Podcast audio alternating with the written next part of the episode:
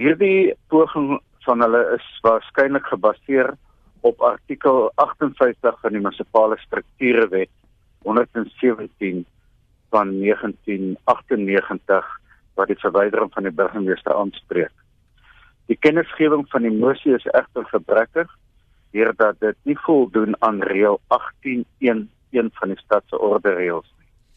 Reël 18.1.1 is soos volg: Elke kennisgewing van 'n mosie sal skriftelik in die vorm van 'n konsepvoorstel wees en moet aan die spreker voorgelê word en sodanige kennisgewing moet onderteken word deur die lid wat dit indien sowel as 'n lid wat dit sekondeer.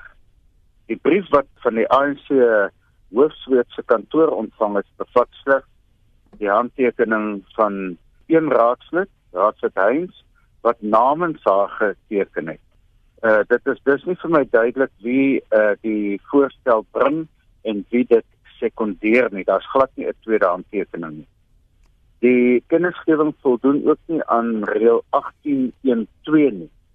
Die uh, reël 18.2 is soos volg, dis onderhewig aan uh, reël 18.5 ook en hieronder sal 'n kennisgewing van mosie nie op die agenda verskyn tensy dit ten minste 10 werksdae voor die sodanige vergadering ontvang is deur die kantoor van die spreker. Kennisgewings van hierdie mense voldoen dus nie aan die tydsraamwerk. Nou Dirk, julle volgende vergadering is die 5de Desember. Wat is die vergadering daarna waar so 'n mosie gebring wel kan word? Hulle kan dit die 5de Desember is 'n spesiale vergadering. En uh, by die spesiale vergadering gaan net bespreek word die terugvoering van die ondersoekbeampte wat nou aangestel is uh, wat 'n ondersoek doen teen drie amptenare.